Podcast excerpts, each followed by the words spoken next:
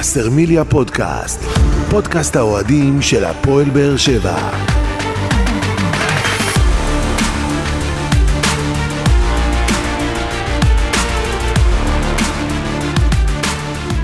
שלום לכם וברוכים הבאים לבשרמיליה פודקאסט, פרק 14 בסדרת פודקאסטים שמלווה את הפועל באר שבע לאורך העונה ותנסה להתמקד בנושאים שאתם, אוהדי הקבוצה, תעלו בפנינו בפלטפורמות השונות. עידן חדש בהפועל באר שבע, אנרגיות חדשות ואפילו קהל חדש להפועל באר שבע, אפשר להגיד, uh, בעונה הזו. לפני שנתחיל, אומר שלום לאיש הפאנל החדש-ישן שלנו, שהבריז לנו בפרק הקודם, גדעון אסולין, אהלן. אהלן, ערב טוב, ערב של אנרגיות. כן, לגמרי, לגמרי. אנחנו אחרי משחק אה, שראינו את האווירה באיצטדיון טוטו טרנר, וראינו גם מה קורה בעיר מעבר לאנשים שהגיעו לאיצטדיון טוטו טרנר, שהכל פה אה, התעורר. אה, יחסית למה, אני, למה שהכרנו לפני. אני, לא, אני לא רוצה להישמע קלישאתי, או יותר מדי, אתה יודע, לצאת מפרופורציות. היה קשה להירדם אתמול. היה קשה, חזרנו מטרנר, כמה שזה משחק, רבע גמר, ואנחנו פייבוריטים על הנייר.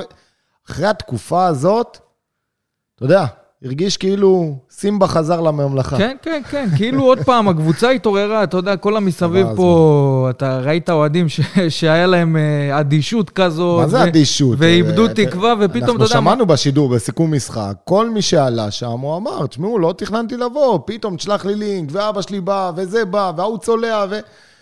אני כשאמרתי ליגאל ברמן שהייתה הסתערות על כרטיסים, אז הוא הסתכל עליי בצורה ככה קצת משונה, כי מבחינתו 6,000 אוהדים זה לא הסתערות על כרטיסים. אבל אם אנחנו יודעים שיום לפני משחק בהפועל באר שבע נמכרו 1,000 כרטיסים למשחק רבע גמר גביע המדינה, שזה כלום, אבל ב-24 שעות וקצת יותר מאז ההודעה של הפועל באר שבע אנחנו מוכרים אה, למעלה, סביבות 5,000 כרטיסים. זה מבחינתי התעוררות רצינית של הקהל של הפועל באר שבע, כי זה ספציפית למשחק, אה, למשחק גמר, אה, אה, רבע גמר גביע המדינה מול מכבי פתח תקווה, אבל ב, אם אנחנו נסתכל לטווח ארוך יותר, אנחנו נראה גם עם הניצצחון הזה ברבע גמר הגביע, התעוררות נוספת טרנר של לא הקהל. טרנר לא יהיה מלא, אבל הוא יהיה, אני בטוח שיהיה כמעט כפול בכמות. אה, קח בחשבון, שמונה בערב, אני ראיתי לא מעט ילדים באיצטדיון, משפחות שלמות הגיעו, והרבה גם אמרו, אנחנו באנו בשביל ברדה, ברדה קרא לנו, ברדה קרא לנו. באו לה... וגם הביאו משפחה איתם, אתה מבין? כן, אוהדים שבדרך כלל באים לבד, גם הביאו את המשפחה, הורים, ילדים. ועשו את זה בצורה טובה. ואני כל כך שמח שבסוף אנחנו יכולים לדבר על המהלך הזה כ... אז בוא, לפני שנדבר על כן. המהלך הזה, רק נספר למי שלא נחשף, ואני חושב שכל מי שמאזין לנו כן נחשף. ביום שלישי האחרון, יום לפני משחק הגומלין מול מכבי פתח תקווה ברבע גמר גביע המדינה, אלונה ברקת למעשה מחליטה לעשות uh, מעשה ולפטר את רוני לוי מאימון הקבוצה, החלטה שאולי התבשלה במחזורים האחרונים, אבל כמו שאמרנו, מבחינת רוב אוהדי הפועל באר שבע, היא הייתה החלטה נכונה, גם אם זה היה קורה שבועיים או חודש uh, לפני המהלך הזה של אלונה ברקת. אז לפני ש... אה, קודם כל, אם נסתכל... זה היה קורה לפני חודש, חודש וחצי, זה היה מתבקש. אז רגע, ו... לפני, לפני שנסתכל על השינויים שנעשו בהפועל באר שבע אחרי המהלך הזה, בואו נסתכל קצת אחורה ונסכם את התקופה של אה, רוני לוי כאן. אם נסתכל על העונה הזאת, סיבוב ראשון מצוין מבחינת תוצאות. יכולת, אנחנו דיברנו על זה, לא יכולת גדולה, ו... וזה לא מה שציפינו לראות, אבל בסופו של דבר היינו קבוצה יעילה. היה שם איזו התקדמות, והיה שם שינוי של מערך, והיה שם התחברות של עוד שחקנים, ועוד שחקנים נכנסו לרוטציה הזאת של המבקיעים, ובסופו של דבר אנחנו ראינו, באמת ראינו את האור בקצה המנהרה. ידענו, היינו ריאליים, אמרנו, חבר'ה, אנחנו לא מציגים כדורגל גדול, אנחנו יודעים את זה, הכדורגל האפור. אה, יש משחקים ויש ניצנים שפתאום אנחנו מכניסים שני, שני שערים ושלושה שערים, ו, ותפסנו פער בזה, חשבנו שמכאן זה רק ילך ויתחבר. ועוד לא קיבלנו את מיכה, ו, ורוקאביצה לא כזה נכנס לעניינים, ואנסה, ואמרנו, יאללה, הדברים ילכו ויתחברו, ובטוח גם הצוות יתגבש, גם השחקנים יתגבשו, גם הקהל. אבל... אבל זה לא רק שזה לא הלך והתחבר, אנחנו מדברים על תוצאות טובות בסיבוב הראשון, אז אפשר להגיד גם קצת יותר מהסיבוב הראשון, כי לאחר 16 מחזורים תחת רוני לוי, הפועל באר שבע ניצבת במקום הראשון ללא הפסד בליגה, ובפער שתי מטורף. נקודות על מכבי חיפה מהמקום השני. זאת אומרת, עד המחזור ה-16 בליגת העל, הפועל באר שבע שם. עשתה את העבודה לגמרי. מבחינת התוצאות, אולי לא מבחינת יכולת גדולה, אבל מבחינת התוצאות, אבל אז אין מה לעשות. הגיעו אה, שמונה משחקים שזה רצף כן, שלא מתאים כן. להפועל באר שבע, שזה למעשה מה שהביא אותנו למצב שבו אנחנו נמצאים היום, את זה שמכבי חיפה חלפה על פנינו ונמצאת שש נקודות לפנינו עם הפרש שערים, שזה כבר שבע נקודות, אם אנחנו נשקלל גם את הפרש שערים. ויותר מזה, מכבי תל אביב שצמצמה את הפער עד לכדי שתי נקודות מלחיץ. מהמקום זה השלישי. זה יותר מלחיץ וזה יותר מפריע לאוהדים גם. ו... כי, כי מכבי חיפה, כולם שם ידעו מהרגע הראשון, אמרנו, אם הפועל באר שבע תיקח אליפות זה וואו. אבל אם היא לא תיקח אליפות, היא גם לא הייתה מועמדת לאליפות. נכון. המועמדת הברורה זו מכבי חיפה, זו קבוצה שרצה, זו קבוצה שיש לה את ברק בכר ואת כל הצוות שאנחנו מכירים, שחקנים בשיא הקריירה שלהם, קצת שונה מהפועל באר שבע. ואם מכבי חיפה הייתה לוקחת אליפות והפועל באר שבע מקום שני באופן מובהק, אני חושב שהרוחות היו יותר שקטות. עצם העובדה שאתה רואה את מכבי תל אביב פתאום נושפת לך בעורף, ואתה בצניחה חופשית בלי מצנח, זה, זה, זה, זה אומר דרשני. ויותר רואה... מזה, כי אם היית כן משיג את התוצאות במחזורים שלך, ראינו גם את מכבי חיפה מאבדת נקודות. זאת אומרת, היית היום יכול להיות במצב שאתה גם מעל מכבי חיפה בטבלה. נכון. אם אתה עושה את נכון. המהלך הזה, נגיד, אולי אחרי, בוא נגיד, מכבי נתניה, או אחרי מ"ס אשדוד, אתה יודע מה, מכבי נתניה נתנו לו גיבוי מלא בהנהלת הפועל באר שבע, ואמרו ש... שמבחינתם הוא נשאר עד סוף העונה, אבל נגיד אה, הגיע המשחק מול מ"ס אשדוד, אתה יודע שאתה צריך לנצח, גם מכבי חיפה הפסידה נקודות. אז היה פה איזה צ'אנס באמת אה, לצמצם אה, את הפער, ואפילו אם היינו ממשיכים לנצח עם העיבוד נקודות של מכבי חיפה, כמו שאמרתי, גם היינו מעליהם, אבל זה לא קרה, וראינו תיקו גם מול מ"ס אשדוד, אחר כך תיקו מול עיריני קריית שמונה, אחר כך תיקו מול אה, הפועל תל אביב. זאת אומרת, הרבה אה, נקודות שהובילו את אלונה ברקת לעשות את המהלך הזה, 37.5 אחוזי הצלחה אה, בשמונת המשחקים האחרונים להפועל באר שבע, זה לא מספיק טוב לקבוצה שרוצה להילחם על האליפות או להילחם בצמרת, אפילו למקום שני זה, בוא נגיד בליגה קצת יותר טובה זה גם לא היה מספיק. אז אמרנו, עד המחזור ה-16 בליגת העל, הפועל באר שבע עשתה את שלה, משם ירידה, זה היה מהלך בלתי נמנע, למרות שחלק uh, מהאנשים היו מופתעים מהמהלך הזה של אלונה ברקת, ואנחנו רואים, רואים גם את הביקורות של האנשים, uh, של חלק מהתקשורת הארצית על המהלך הזה של אלונה ברקת, אבל בסופו של דבר, אם אנחנו מסתכלים אחורה על המהלך הזה ומה שנעשה אתמול, במשחק רבע גמר גביע המדינה, אז אפשר להגיד שהמהלך הזה, לפחות לנקודת הזמן הזאת, היה נכון. כן, בהחלט. אני, עוד פעם, אני אומר שאם היית שואל אותי לפני, לא הייתי יכול לכתוב את התרחיש הזה בצורה הרבה יותר מושלמת ממה שהוא נעשה. בוא ניתן כן. שנייה את הכבוד. רוני לוי, כמו שאמרנו, באמת התחיל, ובאמת מבחינתי, הוא עשה אה, שינוי.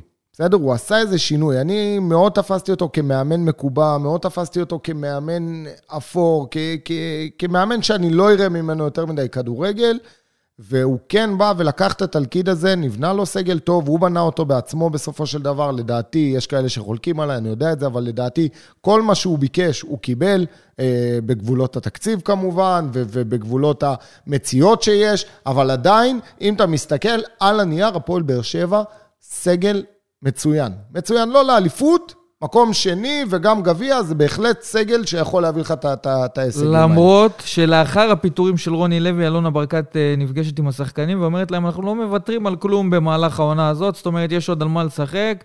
והמועדון רוצה כל, לנצח, כל, להיות כל ווינר. עוד, כל עוד אה, אליניב ברדה, ועוד מעט נגיע לדבר עליו בהרחבה בטח, אבל כל עוד אליניב ברדה על הקווים, וה-DNA שלו והאופי שלו, אני בטוח שזה מה שהוא אמר להם את זה. אתה יודע, אליניב ברדה, כשהוא חזר לארץ, היה לי רעיון איתו, אתה זוכר? הוצאנו איזה אלון של, כן. של וסרמיליה, ועשיתי איתו, אה, לא סיכום, אה, תחילת עונה. רעיון תחילת עונה, ושאלתי אותו, עם, ה... עם החלום הגדול שלו, זה בעצם להביא אליפות להפועל באר שבע. אם הוא, לא, אם לדעתו, הוא יוכל להגשים את החלום שלו ולהביא אליפות להפועל באר שבע. אז הוא אמר לו, אז הוא, שאל, אז הוא ענה לי, מאיפה אתה יודע שזה החלום הגדול שלי? החלום הגדול שלי זה להביא את הפועל באר שבע לליגת האלופות. אתה מבין? איך בן אדם... כבר, הוא כבר צעד אחד אה, לפניך. מה זה צעד אחד? זה שלוש... זה, זה, זה, אתה יודע, כשהוא אמר לי את זה, והיינו באותה תקופה עם, אה, בדיוק עם אלישע, ורק קובן הגיע, ו... אמרתי, טוב, נו, הבן אדם נראה לי קצת לקח סמים בבלגיה, אני יודע, קצת השתבש לו הדעת, אבל... אה, אבל מה, רגע, הוא לא היה רחוק לפני משם. שבאמת נתקדם לסיכום משחק, כי הזכרת פה עוד איזה כמה מילים של רוני וזה לוי. מסר, זה מסר בסופו של דבר, כי ברגע שאתה מכוון ל, ל, לירח, מקסימום תפגע בכוכבים, וזה מה שהוא, שהוא אומר להפועל באר שבע, זה מה שהוא הביא אתמול להפועל באר שבע, השינוי אז רגע, אתה עוד. פעם רץ לקדימה, נגיע די, לאליניב די, ברדה. לא יכול, אני בהתלהבות רק נסכם את העניין של רוני לוי, אוקיי, נשחרר את זה אוקיי, ונתקדם אוקיי, הלאה. רוני. לוי גם מפרסם הודעה אה, לאחר הפיטורים שלו, שהוא מדבר שם בעיקר לשחקנים, ומרים להם ומאמין בהם, ו... והוא חושב שהם שחקנים עם אופי, שיודעים לחזור מפיגור, והגענו להישגים, וכל נכון. מיני דברים כאלה. אני חושב שה... וזה מה שהרג אותו, אתה יודע? כן, התגובה שלו הייתה קצת אה, מנותקת ה- מה... תמיד, לא קצת, כן, היא כן. תמיד מנותקת, ותקליט ש- ש- ש- שבור. עכשיו, אתה הצגת את זה באמת, הצגת כאן את הנתונים, ובאמת נתונים פנטסטיים, ו- והיה כאן איזה בנייה, ואמרנו גם, היה שם שינויים מבחינתו, באישיות. אם הוא מאמן שיותר אוהב לשבת על הספסל, או להיות קצת פחות, אה, אתה יודע מה, פנטומימה כזה, אז הוא פתאום כן קצת יותר התחיל לדבר, וכן קצת, גם אם הוא לא היה עושה את זה בטבעיות, כמו מאמנים אחרים, כמו אבוקסיס, כמו לוזון, לא משנה מה, אה, כמו בן עילם, אתה רואה אותו, אבל הוא כן השתדל, והיה שם איזו התקרבות, ואז אחרי זה התקרבות לקהל, והוא היה מגיע אחרי משחקים, אתה יודע, אחרי כל הפיצוץ כן. הגדול במשחק בנתניה, היה שם איזו התקרבות, ואז הוא שינה מערך, והקבוצה התחילה לתפוס עוד פעם, אני לא משווה אותה לחיפה, אבל כן התחילה לתפוס איזה דרך, איזה צורה, התוצאות היו בהתאם. אה, זה לא היה כבר 1-0, זה כבר הפך ל-2-0 ו-3-0 בחלק מהמשחקים. בהחלט היה שם איזה בנייה. ואז ואז בסופו של אחורה. דבר, ואז בסופו של דבר, מגיע התיקו הזה ממכבי חיפה, ומה רוני לוי עושה? הוא חוזר לשבת על הספסל בדקה 80, והוא חוזר למרוח את כולם בתקשורת, והוא חוזר, אה, והוא חוזר ל-4-5-1, הוא קורא לזה 4-3-3, ל-4-5-1, שבעצם זה מה שהביא לך את השריקות בוז בתחילת כן. עונה.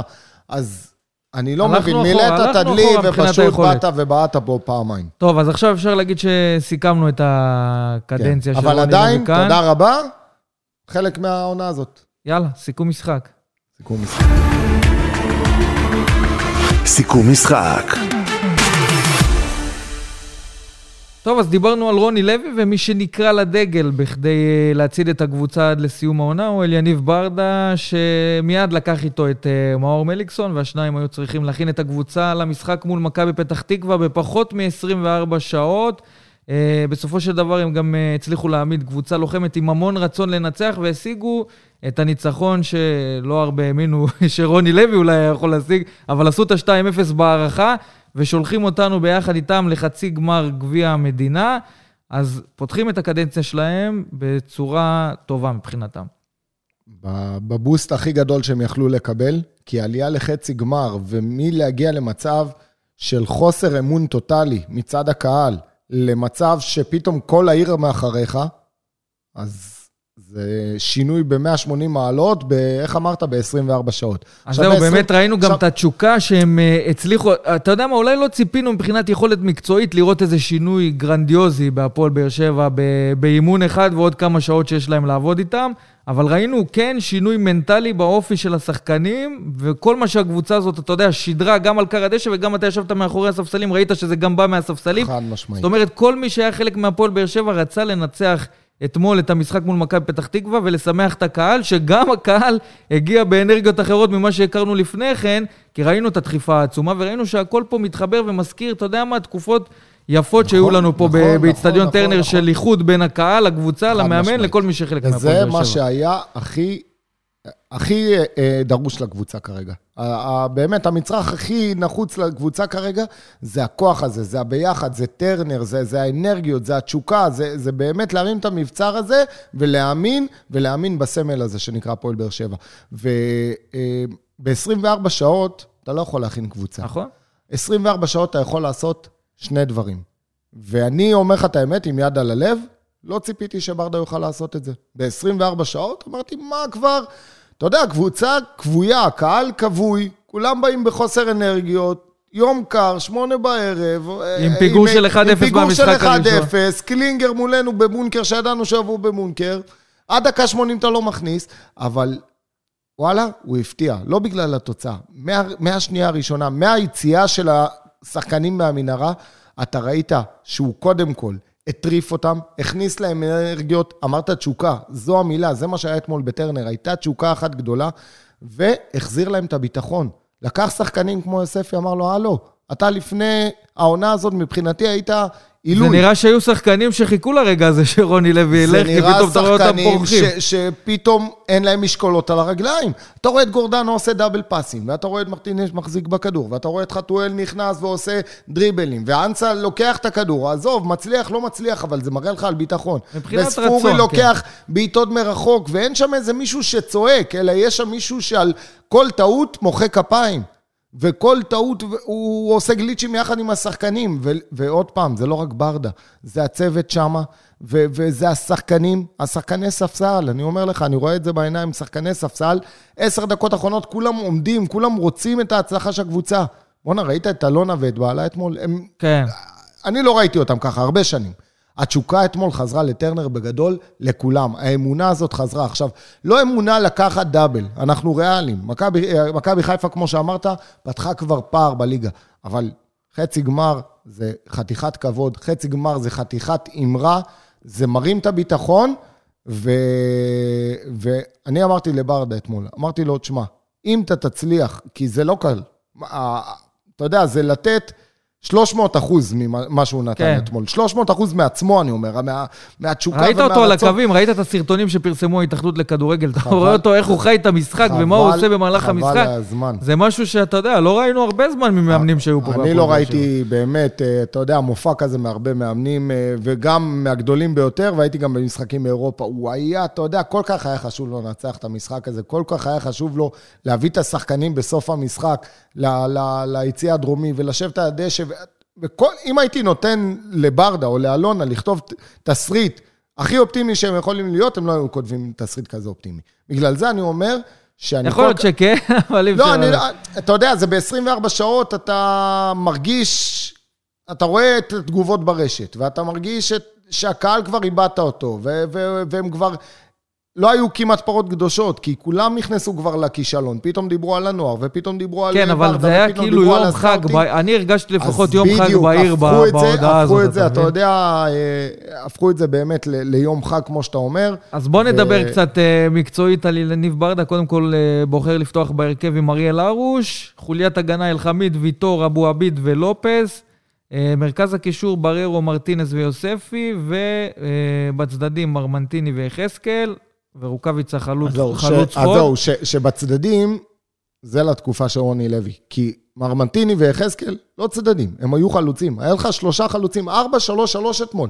כן, זה, כן, זה אפשר בדיוק, להגיד שהם- שהם- הם היו יותר משוחררים תקשיב, אתה רואה. מכבי חיפה, אצילי וחזיזה, הם לא עושים הגנה, הם, הם יותר עסוקים ב, ב, ב, ב, באמת ב, בהתקפה. וכשהיה לנו כאן את בוזגלו, ושהיה לנו את מליקסון, ושהיה לנו את טוני, לא היינו מצפים מהם ליותר מדי עזרה לבן ביטון ולאופיר דוד זאדה, נכון? כן, היית, כן, אומר, כן, תשמע, חד אני, משמעית, אני, חוטף, כן. אני חוטף את הכדור, אני זורק. עכשיו, אתמול אני ראיתי את אותו דבר. אני ראיתי שחקנים שהם קודם כל קדימה, קודם כל התקפה, וגם אתה ציינת את זה אתמול בשידור, החילופים שלו. אז זהו, רגע, לפני שנגיע לחילופים, אז קודם כל מחצית ראשונה בהפועל באר שבע. כמו שאמרנו, מלבד התלהבות, לא ראינו אה, איזה יכולת, אתה יודע, הגענו לכמה מצבים מול השאר במחצית הראשונה, אה, לא משהו רציני, אבל אם אנחנו מדברים על השינויים, וזה משהו שכן צריך להגיד לזכותו של ילניב ברדה, זה השינויים והתגובות שלו במהלך הגיב מהר, המשחק. הגיב קודם מהר. כל, ספורי וחתואל כבר בפתיחת המחצית השנייה, במקום בררו ומרמנטיני, שהיו די פושרים, הוא זיהה כן, את זה. בררו גם עם כרטיס כן. צהוב, ו... ובהחלט, שמע, זה היה מפתיע. למרות שהכרטיס הצהוב, אתה יודע, יש שחקנים שאתה אומר, ב... לא משנה מה, אני לא אגע בהם. יש שחקנים כאלה, כמו ויטור, כמו שוער, כמו בררו, בררו התרגלנו שהוא אחד מאלה שלא נוגעים. לכן שהוא... אבל זה שני חילופים של אופי שהוא התקפי. הוחלף, חד משמעית, וזה מראה לך על ביטחון. מאמן, שזו הופעת הבכורה שלו, שהוא יודע שכל התקשורת מחכה לו בצד, בפינה, לטוב ולרע. נכון. בסדר, אם הוא ינצח, אז יגידו וואו, ואם הוא יפסיד, יגידו, מה אליניב ברדה עשה בכדורגל בתור מאמן. באמת, כן, כן, כן, יודע, התקשורת מוכנה לכל עכשיו, תרחיש, אפשר אתה. מה אתה משדר פה? אתה משדר שאתה לא סופר אף אחד. דקה 45, לא קיבלתי את הגולים, אני מכניס עוד שני חלוצים. אה, עשר דקות עברו, עוד שני חלוצים. אה, עוד חלוץ. אז זהו, בדקה ה-58 אנסה במקום רוקאביצה, שלדעתי לפחות היה חלש ביותר על המגרש בהפועל באר שבע. כן, כן, רוקאביצה, אין לא- ספק לא- שהוא לא צריך... אה, צריך לקבל את, ה, את הביטחון שלו בחזרה, כי אנחנו יודעים ואנחנו אומרים, ואני עומד על זה, זה באמת אחד החלוצים הגדולים שיש בכדורגל, גם היום, תקופה אבל מאוד... אבל עדיין, אתה יודע, גישה, אם דיברנו על גישה, נכון. גם דיברנו על זה אתמול בתוכנית, דיברנו על גישה ועל תשוקה נכון. שראית אצל שחקנים, אצל רוב השחקנים ששיחקו אתמול במשחק, דווקא רוקאביצה היה פחות עם, עם רצון, אתה מבין? אני לא יודע אם לקרוא כן, לזה כן, רצון, אבל- הפעולות הראו שהוא לא, לא שם, אתה אני מבין? אומר עוד פעם, זה לא, זה, אני חושב שאצל רוקאביצה, גם אם תסתכל עליו ב, ב, כשהיה מלך שערים במכבי חיפה, אז הוא חוגג אחרי שערים, ו- אבל אין לו את הביחד, אתה לא תראה אותו עכשיו יוצא עם כל הקבוצה, או... כן, כן, אבל הוא הוא- גם לא הגיע למצבים, הוא לא... הוא לא מתחבר. כאילו לא היה חלק מזה? אה, תראה, היה לו אתמול מצב קלאסי ש, שספורי הוציא לו שם רוחב, והיה לו עוד איזה... אבל כן, זה לא מספיק מצבים, אני מסכים איתך. אה, אבל אם תסתכל כמכלול על כל החודש האחרון, שהוא היה חודש גרוע לכולם, כן. אז גם רוקאביצה היה שם עם אה, החמצות אה, אה, מסמרות שיער. כן, אה, ללא ספק. ו- ואני באמת חושב, ואליניב בטוח יודע את זה יותר טוב ממני, שאת רוקאביצה רק אפשר להרוויח, קל וחומר שעכשיו אה, יחזקאל אה, אה, פצוע ולא יודעים עדיין מה קורה עם שכטר, אז רוקאביצה זה מצרך שבאמת אנחנו זקוקים לו, וכמה שיותר מהר. אז זהו, אז החילוף הכי משמעותי לדעתי במשחק הזה של אלניב ברדה, דקה 70, אה, איתי שכטר במקום לופס, שהוא לדעתי הימור על כל הקופה ללכת עד הסוף, הוא הבין ברדה שהוא הולך על התקפה, ועד לדקה ה-70, כל השחקנים ההתקפיים שהיו לו באופציות בה לספסל, לכולם הוא נותן אה, אה, אפשרות להיכנס למשחק, גם ספורי, גם חתואל, גם אנסה, גם אה, שכטר, הוא הולך עד הסוף, וזה חילוף שאולי עם רוני לוי לא בטוח היה קורה. נכון, נכון, כי אתה, במיוחד שאתה אומר, רגע, אתה, אתה יודע, תמיד יש מאמנים שחושבים על ה... איך אני אקרא לזה? הם עושים כזה ניהול סיכונים, אבל אתה יודע, בצורה הכי זהירה שיכולה להיות. ואומר, רגע, שנייה, עכשיו אם אני מכניס גול, אז רגע, אני כבר איבדתי את החילופים. עכשיו, זה נכון לפעמים לחשוב בצורה כזאת, אבל כשאתה פועל מתשוקה, וכשאתה רואה אדום מול העיניים, ואתה בא כמו שור, ואתה ו- עם ו- ביטחון, שזה הכי ואתה חשוב. דוהר, אתה בדיוק, אתה דוהר, אז גם כשאתה משחק עם עשרה שחקנים, כי שכטר שם מדעדע לך במשך 15 דקות, וברדה עוצר הכל באמצע, ופונה לעיתונות ואומר להם, תגידו בשידור שאיתי שכטר זה גבר.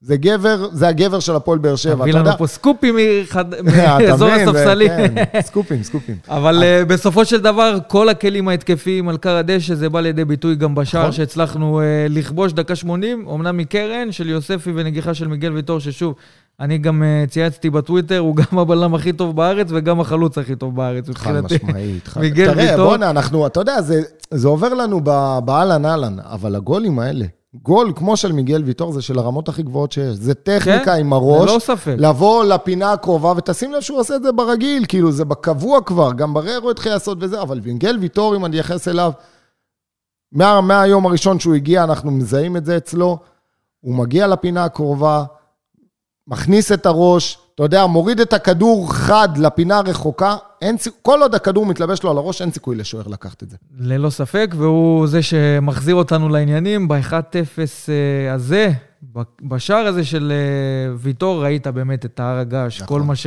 כל מי שהיה בטרנר זה וחיכה לרגע זה הזה, היה דקה 82, אם אני לא טועה, 80, אתה יודע, זה ראית כבר... כבר היית רגל וחצי בחוץ, והנה חזרת לעניינים, ואז גם אה, אה, כפית הערכה על אה, על מכבי מכבי פתח תקווה, ואתה כובש בדקה ה-95, חמש דקות לאחר אה, פתיחת ההערכה, רותם חתואל מנצל כדור של ספורי, כדור טוב של ספורי, וכובש. ו-2-0 להפועל באר שבע זה משהו שלא הרבה אנשים האמינו שיכול לקרות במשחק הזה. אתה יודע מה, גם אחרי, גם אחרי שברדה אה, היה, כאילו, שברדה החליף את אה, רוני לוי, אבל אה, בסופו של דבר, כמו שדיברת, איתי שכטר, לדעתי, גם ברדה הרים לו, גם במסיבת עיתונאים וגם אתה אומר שהוא אמר את זה לכתבים שם במהלך המשחק, ששגיב יחזקאל נפצע, אור דדיה בעצם חילוף אחרון של הפועל באר שבע שאפשר לעשות. איתי שכטר מבין שהוא לא יכול uh, לצאת החוצה, זאת אומרת, אתה יודע, עבר פציעה, אולי יש שחקנים אחרים שהיו מוותרים ואין ברירה ומה שיהיה יהיה, נכון. אבל איתי שכטר סוחב פציעה וממשיך לשחק משהו כמו 20-25 דקות, על. רגל אחת אפשר להגיד, ואת- ולא תגיד נעמד במקום. כן, כן, כן. מנסה לעשות תנועה וצועק, הוא לא הפסיק לצעוק. צועק ומכוון והולך ו- ו- ומבזבז זמן אם צריך, והכול מביא את השכטר, ואתה יודע, כש... זה באמת היה מרגש, שברדה בא ומחבק את שכטר, ומהצד השני מליקסון, אתה רואה איזה שלושה סמלים. עכשיו, שכטר הוא לא סמל של הפועל באר שבע, הוא עוד לא זכה לזה, אבל הוא סוג של מנהיג שאנחנו זכינו בו. ואתה יודע, בסוף המשחק, כשבדקו אותו וראו מה, רצו לדעת מה חומרת הפציעה, הדבר הראשוני שחשבו זה קרע במיניסקוס, אחרי, אחרי איך שזה אגב, נראה. מה, מה התברר בסוף? לא, בסוף זה פציעה לא, לא חמורה, עניין של. ש... גג שבוע עד שהוא יחזור לעניינים, אבל מי שכן בפציעה חמורה זה שגיב יחזקאל ששבר את עצם הבריח והיעדר אה, ומכאן אה, כחודשיים. נשלח לו החלמה מהירה, זו פציעה ממש לא, לא קלה. אה, איך חבר שלי שם היה אחד האלונקאים, אומר לי, דרגת כאב, תשע מתוך עשר. וואי, וואי. זה לא מטורף. פשוט בכלל. ראינו גם את ההתפתלות מטורף. שלו שם על כר הדשא, שבכלל, שחקני מכבי פתח תקווה עוד המשיכו, לא חשבו שזה משהו רציני, אבל uh, עשו, נאחל לשגיב יחזקאל אה, החלמה מהירה, זה הכי חשוב. ויחזקאל פורח. צריך לציין שגם בתקופה האחרונה של רוני לוי, יחזקאל החזיר אותנו פעמיים מפיגור, ו- וגם אתמול הוא היה מאוד דומיננטי. לא הכי מדויק, זה נכון, אבל דומיננטי, עושה את הבלגן, עושה את התנועות. אה, אז מי ש... אתה יודע מה, יחזקאל פורח, אני חושב השחקן הכי בולט שפרח אתמול והיה כבוי לאורך כל העונה זה רותם חתואל, שגם פורח וגם עוקץ את רוני לוי ב... מה- בסיום מה הוא המשחק. אומר? לא, הוא מעלה, הוא, מעלה סטור... הוא מעלה באינסטגרם תמונה שלו חוגג את השער וכותב, בוא תראה מה פספסת. שזה גם שיר וגם עקיצה לרוני לוי, אה, אבל הוא כובש בסופו של דבר. למרות שהייתה לו גם הזדמנות לפני הייתה כן. לו החטאה ל- אחת לאחת. לפני כן, כדור לאחת. על מגש שהשאיר לו יוספי. אותו דבר, אותו- רק תשים את הראש ונגמר הסיפור. אתה יודע מה? זה החמצה של אה, קריאת חולצה של ז'וסואל, לא פחות. כן, כן, אתה כן, מבין? חד משמעית. אז הוא החמיץ, אתה החמיץ. יודע מה, ההחמצה, הי- הייתה, מצ... הייתה, היה לו מצב הרבה יותר טוב מאשר האבקה. בגול עוד היה שם שחקן, הוא התרומם מאחורי שחקן, היה שם גול כן. לא, לא, לא פשוט.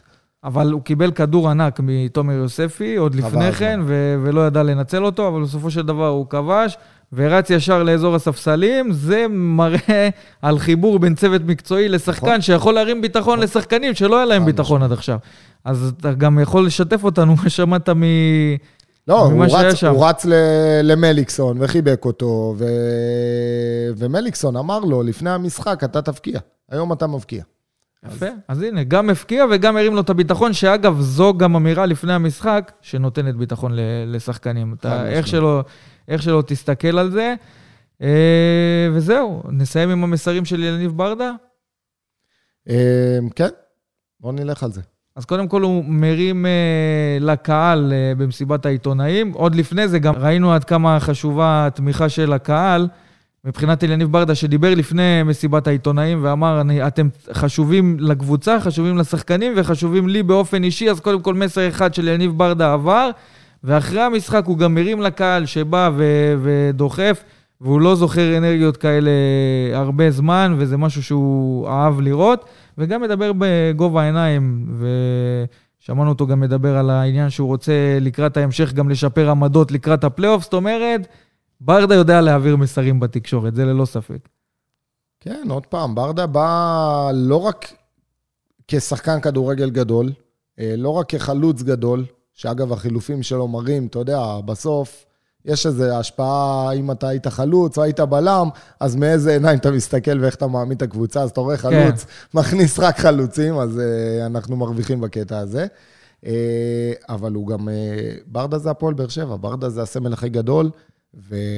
וברדה יכול, כמו שאמרנו, הוא יכול באמת לקרוא לדגל לאוהדים, יכול לקרוא לדגל לשחקנים, יכול לקרוא לדגל באמת ולחבר עיר שלמה, וזה האיש הנכון במקום הנכון, בזמן הנכון. טוב, אז גדעון, דיברנו על החוויות שלך מאזור הספסלים של הפועל באר שבע אתמול אה, במהלך המשחק אה, ברבע גמר גביע המדינה מול מכבי פתח תקווה, וזה הזמן לדבר עם אחד שהיה קרוב אליך באזור הזה, כתב ערוץ הספורט אה, מוטי פשחצקי, אהלן, ערב טוב.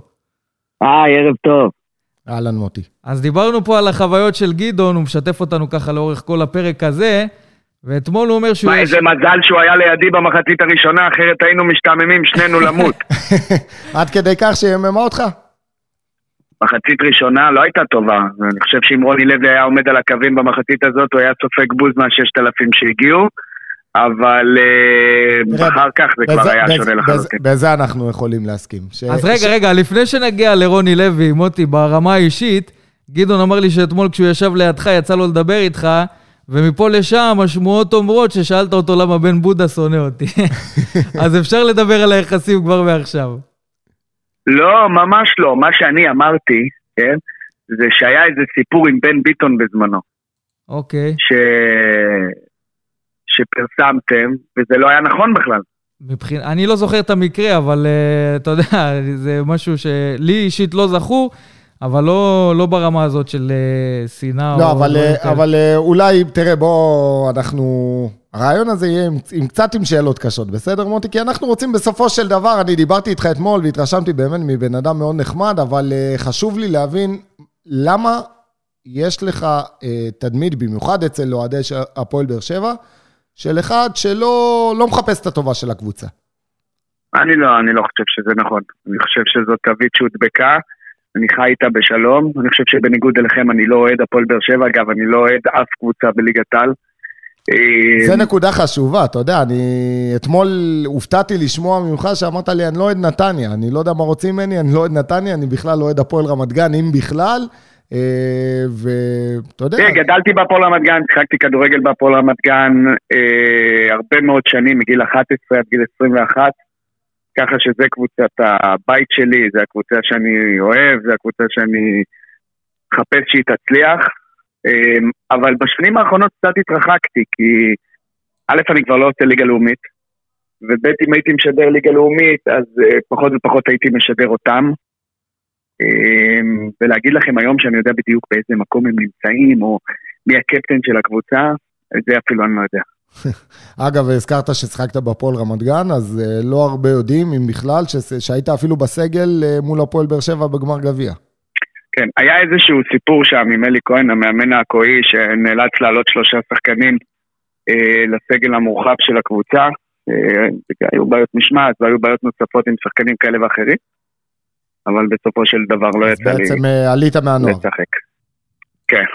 אז, ומה- אתה, אז, אז אתה מבין כבר שהתחלת לא טוב עם אוהדי הפועל באר שבע, כשאתה משחק בגמר גביע שעד עכשיו זוכרים אותו. שלא אתה משחק, יודע אבל מה, לא היית שם. יכולתי. להתחיל איתם לא טוב אם הייתי משחק, כן? אבל זה שטויות, זה שטויות. לא, תשמע, בסופו של יום אנחנו, בסופו של יום אני... אני מאוד, אני מאוד אוהב את המקצוע שלי, ואני חושב שצריך להתייחס למקצוע שלי ברצינות, כמו לכל מקצוע אחר, ולפעמים, בעיניי לפחות, אני רואה שתפקיד התקשורת היא להיות סוג של כלב השמירה לדמוקרטיה, ולפעמים לא כל מה שרוצים שיצא יוצא, ולהפך. השאלה באמת, מה, להיות מה מוביל את התקשורת? אתה יודע, זה צינור ישיר שמעביר את המידע שאתם נחשפים אליו, או שיש גם מעבר לחפש קצת את האש, את ההצצה, כדי להביא בס- בסוף אה, יותר קליקים, יותר כניסות? אני לא מסתכל על כל התקשורת, אני מסתכל על עצמי ועל המקום בו אני עובד. אני חושב שכולנו, אה, קולגות שלי בערוץ, עושים את העבודה הטובה ביותר כדי להביא את התוצאות, ואני חושב שבסופו של יום לא צריך לבוא ולחפש דברים רעים. איך, איך, אבל אם קורים דברים בחדר, בחדר הלבשה או דברים מסביב, אני חושב שזה חלק מהתפקיד של התקשורת, לבוא ולחשוף אותם. איך זה, באמת, בואו תכניס אותנו ככה לעולם של הכתבי ספורט, אה, כאילו, איך זה נמדד? אתם, אה, אתם נמדדים לפי סקופים, אתם צריכים להביא, כאילו, מה, מה בגד... אני אתה חושב יודע, שכשאתה קם בבוקר בכל עבודה, אתה רוצה לתת 100% מה- מה- מעצמך, להסתכל במראה בדרך, במקלחת בסוף היום, ולהגיד שעשית את ה-100% שלך. לפעמים זה מספיק לי יותר, לפעמים זה מספיק לפחות. היו לי הרבה סיפורים שנפלתי, היו הרבה סיפורים שהבאתי, זה בסדר. אה, בסך הכל אני עושה את העבודה שלי כדי שבעבודה שלי יהיו מרוצים ממני ושאני אהיה מרוצה מעצמי וממה שאני מצליח להבין וממה שאני מצליח לעשות. יש גם הרבה מאוד כתבות מאוד טובות. דווקא אצלכם אחד אה, אה, האנשים דווקא הבאר שבעים שאני עוקב אחריו אחרי תקופה מאוד ארוכה, בחור בשם רועי אברג'יל, שהתאמן אה, בליגה ב', נכון. פציעה מאוד קשה, אני מלווה את השיקום שלו כבר למעלה משנה. בבית החולים בית לוינשטיין, בדרך סיפור- סיפור לסיפור שאני מזעזע. יכול לומר לכם שסיפור מזעזע, אבל יהיה לו, יהיה לו סוף טוב. אה, באמת? טוב. אני יודע ש... יהיה לו סוף טוב, ש- אנחנו בשלבים אחרונים של הסרט. ואני, ספוילר קטן, יש שם משהו ש... שמתקדם, מתקדם בצורה מינורית, אבל מתקדם, וזה כל כך מרגש בעיניי. גם הסיפור על דניאל סוצון, זיכרונו לברכה, שהלכתי וליוויתי אותו בחצי שנה האחרונה, כמעט יום-יום, גם בבתי החולים השונים, גם בשיקום. לצערנו הוא נפטר לפני כשבועיים, שחקן הכדורסל של הפועל גלבוע גליל, אה, תושב גן יבנה. אה, פה, פה, פה הוא לא הצליח להתרומם, אבל אה, להבדיל אלפי הבדלות, אנחנו יכול לומר לכם ש, שיש תקווה, יש תקווה עם רועי אברג'יל וזה מאוד משמח אותי. בוא נדבר קצת על מה שראינו אתמול, ודיברת פה על זה שלדעתך רוני לוי היה מציג כדורגל יותר טוב אה, עם הפועל באר שבע, לפחות במחצית הראשונה, ומשהו לא, שאת... לא, זה לא מה שאמרתי. לא, הוא אמר... הוא, לא, לא, זה קצת להכניס מילים לפה. לא, אני לא. אמרתי שאם המחצית הייתה מסתיימת ככה כשרוני לוי על הקווים, היינו שומעים קריאות בוז. כן. אוקיי. כי המחצית הראשונה לא הייתה אוקיי, טובה. אז אני אגיד לך למה, כי זה, כי זה מתכתב גם למה שהקהל בסופו של דבר אה, יונק מהתקשורת. כי אנחנו רואים לא מעט uh, ביקורות על המהלך הזה של אלונה ברקת, והאם זה היה נכון או לא נכון לפטר את רוני לוי, אבל בסופו של דבר, כשרואים שהמהלך הזה נעשה וכן מביא שינוי להפועל באר שבע, דיברנו על זה גם פה עם גדעון, על האנרגיות, על האווירה, על כל המסביב, אז uh, יש כאלה שלא מבינים את הביקורות בתקשורת uh, על המהלך. אני חושב שאחרי משחק אחד אי אפשר לבוא ולהגיד אם משהו השתנה. אני חושב שליניב ברדה היה מספיק כנה עם עצמו לבוא מול המיקרופונים ולהגיד שזה היה ניצחון גם של רוני, כי הוא הכין את הקבוצה למשחק הזה. אני חושב שברדה קצת הצטנע, כי ראיתי דברים מאוד טובים אצלו, ראיתי את השיח שיש לו בינו לבין השחקנים, את יחסי האנוש ההרבה יותר טובים שיש ליניב ברדה עם הסגל. ראיתי קהל שבאמת רוצה בהצלחת הקבוצה, וגם ברגעים קשים דוחף, וזה מאוד אהבתי. מצד שני, אני לא חושב שההחלטה של אלונה היא לא נכונה. אני חושב שההחלטה של אלונה היא עיתוי לא נכון, והדבר עוד יותר שאני חושב שהדרך היא דרך קלוקלת, כי אפשר היה להיפרד אחרת. אני חושב שאלונה, מי שהפריחה את הנגב מבחינת הספורט ומגיע לה, בעיניי לפחות, להדליק משואה, אה, הייתה יכולה למצוא דרך אחרת, הייתה יכולה לבוא היא לשבת במסיבת העיתונאים במיקרופונים ולדבר ולא לשלוח את אליניב ברדה, הייתה חייבת להקשיב למנהל המקצועי אלא אם כן היא קוראת לו מנהל מקצועי, ואלא אם כן היא מחליפה לו את הטייטל למשהו אחר, אז זה הגיוני. בסופו של יום זה הכסף שלה, והיא זו שלקחה את ההחלטה, ובעוד חודשיים שלושה נדע אם ההחלטה הזאת נכונה או לא. אבל הדרך, הדרך הייתה צריכה להיראות שונה לחלוטין בעיניי. השאלה באמת, אה, איך אתה רואה את הדרך? כי אני אישית, כמי שאוהד את הפועל באר שבע, אז הדברים האלה של איך זה מצטייר בתקשור, בתקשורת, זה קצת פחות אה, רלוונטי לעומת מה שקורה בפועל. אתה, אתה מבין למה אני חותר? כן. כאילו עושה רושם שמחפשים באמת זה... את הנקודות האלה ספציפית על מה פחות בגלל טוב. זה, בגלל זה בעיניי אתה פסול עדות.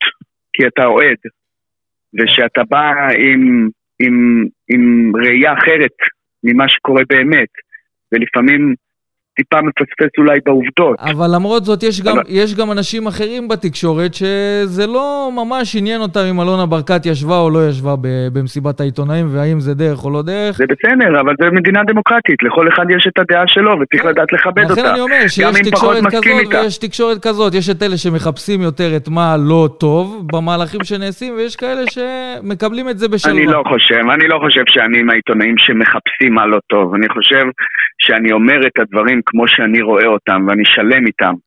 ואני מסתכל במראה ואומר שמה שאמרתי הוא לא משהו שבא מאיזשהו מקום של קנאה או חלילה שנאה או ממקום לא טוב. אני חושב שלפעמים יש ביקורת שהיא ביקורת בונה, ויכולה להיות ביקורת טובה. אתה יודע, שמעתי את אחת השדריות אצלנו בערוץ אומרת שאלונה ברקת מתערבת מקצועית, ואני מאוד כעסתי על זה, כי זה לא נכון, ואני גם אמרתי לה את זה. ואלונה ברקת היא בין הבעלים שממש לא מתערבים מקצועית. היא יכולה להביע את דעתה, אבל מעולם לא תראה אותה אה, כמו איזי שירצקי או כמו ג'קי בן זקן או כמו אבי לוזון. ממש לא. ולשים אותה באותה רשימה, אני חושב שזה לא יפה, לא מכובד וגם לא נכון. ומצד שני, יש דעות רבות בתקשורת של אנשים כאלה ואחרים, חלקם אוהדים, חלקם לא, שצריך לדעת לכבד אותם, גם אם לא אוהבים אותם. אה, אבל אני בכל מקרה חי בשלום עם הדברים שאני אומר.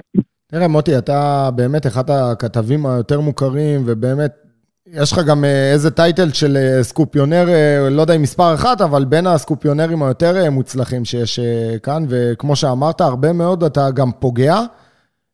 השאלה באמת, כאילו, בצורה הכי תמימה, אני שואל, איך נוצר מצב שאתה מעלה פרסום בלעדי, בעוד כתבים אחרים בכלל לא יודעים אפילו חלקיק מאותה ידיעה? הרי, לא יודע, אני, אני לא, עוד פעם, לא יודע איך זה עובד בדיוק, אבל אתם אמורים לקבל את זה באות, מאותו צינור, את כל הידיעות האלה, נכון? זה מדוברות ובצורה כאלה.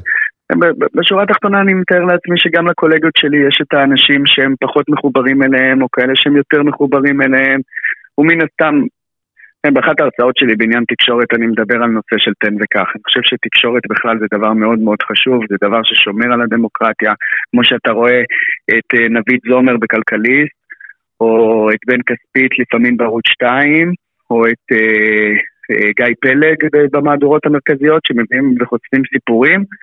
חושב שבסופו של דבר לכל אחד יש את המקורות שלו, ומשם אנחנו צורכים את המידע. אני יכול לומר לך שהיו שני ריבים מאוד מאוד גדולים באימונים האחרונים בהפועל באר שבע, וזה שני, שני דברים שלא פרסמתי. ויש דברים שהם גם קו, קו אדום מבחינתי. מאיזה, אני חושב... מאיזה בחינה כאילו קו אדום? איפה, כאילו מה השיקול דעת בעצם כאן? זה לא עניין של שיקול דעת. אני חושב שהיו דברים באימונים האחרונים, במצב בו הפועל באר שבע נמצאת, ואני חייב שתבינו משהו. כתבים שמסקרים קבוצה, רוצים בתוך תוכם שהקבוצה תצליח, משתי סיבות. א', זה תמיד יותר מעניין לכתוב דברים טובים מדברים פחות טובים, וב', שכשהקבוצה תגיע לאירופה ויגיעו לכאן, בטח אתם יודעים, את אינטר ואת כל המועדונים האלה, הכתב רוצה להיות, זה לא יעזור. אנחנו נמצאים היום במקום שכל ילד שמתחיל ללמוד בתקשורת ספורט, או כל חובב כדורגל, רוצה להיות במקום שאנחנו נמצאים בו. אני חושב שיש לי, באופן אישי, אני יכול לדבר רק על עצמי, לא על אחרים, רצון מאוד גדול שהפועל באר שבע תצליח. אני יודע שאם באר שבע תצליח, אני גם אגיע למקומות שאולי לא חלמתי עליהם בתור ילד, ואדע גם לסקר עם שחקנים הרבה יותר גדולים. אני יכול לומר לכם שיש לא מעט שחקנים שעזבו את הפועל באר שבע, חלקם גם זרים, שאני נמצא איתם בקשר עד היום. ככה שאני חושב שגם מצאתי מעבר לעניין המסוכר וסיקור, אה, גם חברים שרצים איתי קדימה. יפה, יפה מאוד. תגיד, בוא, בוא נחזור אבל, קצת. אבל אתה יכול להבין חלק מהאוהדים של הפועל באר שבע שקוראים כתבות, ולפעמים, אתה יודע, לא ספציפית אצלך, יש גם uh, כתבים אחרים שעושים את זה. אגב, גם ציטוטים, כתבים מקומיים. של ציטוטים של גורמים ל... או מקורבים ל... ואתה יודע, שאין באמת איזה משהו שאוהד יכול לדעת אם זה מתבסס על משהו אמיתי, או שזה משהו שאי אפשר לבדוק אותו באמת, אתה מבין? כאילו, הם, הם לא יודעים איך להתייחס לזה. 19 שנה, 19 שנה אני עיתונאי, מעולם לא תבעו אותי. פעמיים תבעתי, פעמיים קיבלתי כסף.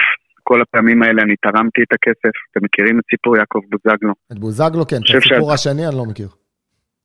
אה, זה היה כשהייתי בגלי צה"ל. אני חושב שיש אמ, יש פעמים שהמקורות שלנו, העיתונאים, מבקשים שלא להיחשף. בסופו של יום, הידיעות האלה נכונות, וזה מה שחשוב. אני חושב ש... שזה הדבר הכי חשוב, של לכתוב את האמת ולבוא ולספר את הדברים. תראה, אבל עוד פעם, אם אני מסתכל על בתור אה, אחד שקורא בקצה, ואני אומר, תראה, אני קורא עכשיו... תגיד, ש... מקורבים לראש הממשלה אתם שומעים? לא, מקורבים אז, לשר אז... החוץ אתם שומעים? נכון, נכון. אתם שומעים נכון. את הדברים האלו, אז ככה שזה חלק מעולם התקשורת לא רק בישראל. גם אה, מקורות ובבסן אה, אנגלי או בכל מקומות אחרים בלקיט או בבילד, גם שם כותבים לפעמים גורמים במועדון ובכיר במועדון ודברים כאלה ואחרים. אתה יודע מה? בוא נשאל את השאלה האחרת. היום למוטי פשחצקי יש מקורבים בכל קבוצה בליגת העל? בקבוצות שאני מסקר, אני דואג את להיות... את מי אתה מסקר? אה, את הפועל תל, תל אביב? באר שבע, מכבי נתניה, נבחרת ישראל והתאחדות לכדורגל, אבל כשהכתבים האחרים בחופש, או שהם, אה, הייתה לנו תקופת קורונה לא פשוטה בערוץ, אז היינו צריכים לסקר עוד כמה קבוצות. אני חושב שאחרי מספיק שנים אני לא יודע להתנהל. שלא תבינו לא נכון, אני לפעמים נופל בסיפורים. הרבה פעמים אני פותח וואן וויינט ווואלה, ומוריד את הכובע בפני הכתבים שם ואומר, וואלה. וואלה, איך הוא הקדים אותי. לא, לא איך הוא הקדים אותי, סחטיין. הרי אני גם יודע שאני לא תמיד אביא את כל הסיפורים. זה ברור לי. נכון. אין דבר כזה להביא את כל הסיפורים. אז בסדר. תגיד לי, מה דעתך? האמן לי שאני אוהב יותר לעשות כתבה טובה מאשר כתבה פחות נעימה. זה, זה בטוח. אה, תגיד לי, מה, מה דעתך על החיקוי בבובה של לילה? אתה... לא כל אחד זוכה לדברים לא, לא כל כך דומה, אבל נכון? לא כל כך דומה. לא נראה לי. לא, לא. לא. תראו, זה נורא מצחיק, השלושה האלה הם פסיכיים לחלוטין, וזה ממש כיף להיות לצידם. גאונים. גאונים, אבל בקטע פסיכי, באמת, זה פסיכי, פסיכי לחלוטין. Uh, אני מת על זה, אני מת על התוכנית הזאת, זה שלושת רבעי שעה של צחוק בתוך הווריד אחרי ימים עמוסים, אני, אני מת על זה. אני, אני, אני יודע ש, שמכינים עוד הפתעות. אה, גם בענייני הפועל באר שבע, אגב, מכינים עוד הפתעות. נו, תן לנו אותה, תן לנו אותה. בבובה של לילה. אני, רוצה, אני רוצה לשמור את זה כהפתעה. אה, אוקיי. אבל אה, בוואטסאפ תקבלו בהמשך. תגיד לי, אה, מוטי, מה הסיפור עם ג'וסווה? מה... קודם כל, מה אתה אישית חושב על השחקן הזה? כוכב כדורגל, השחקן היחיד בישראל שהייתי קונה כרטיס כדי ללכת לבוא לראות אותו. וואלה. אין שחקנים כאלה. אני חסיד של ראובן עטר, חושב שזה היה השחקן הכי טוב שאני ראיתי בעיניים שלי, כל הכבוד לאחרים. מסכים איתך. ככה שיש לי, אני חייב לומר, יש לי רגישות לאנשים עם רגל שמאל. זה לא יעזור שום דבר, אני חושב שהם גאונים, יש להם יתרון על פני כל שחקן ימני, אבל אם אתה שם אותי רגע כבעלי מועדון, כאחד שמסקר את המועדון, אני חושב שז'וסווה הוא לא הפתרון של הפועל באר שבע.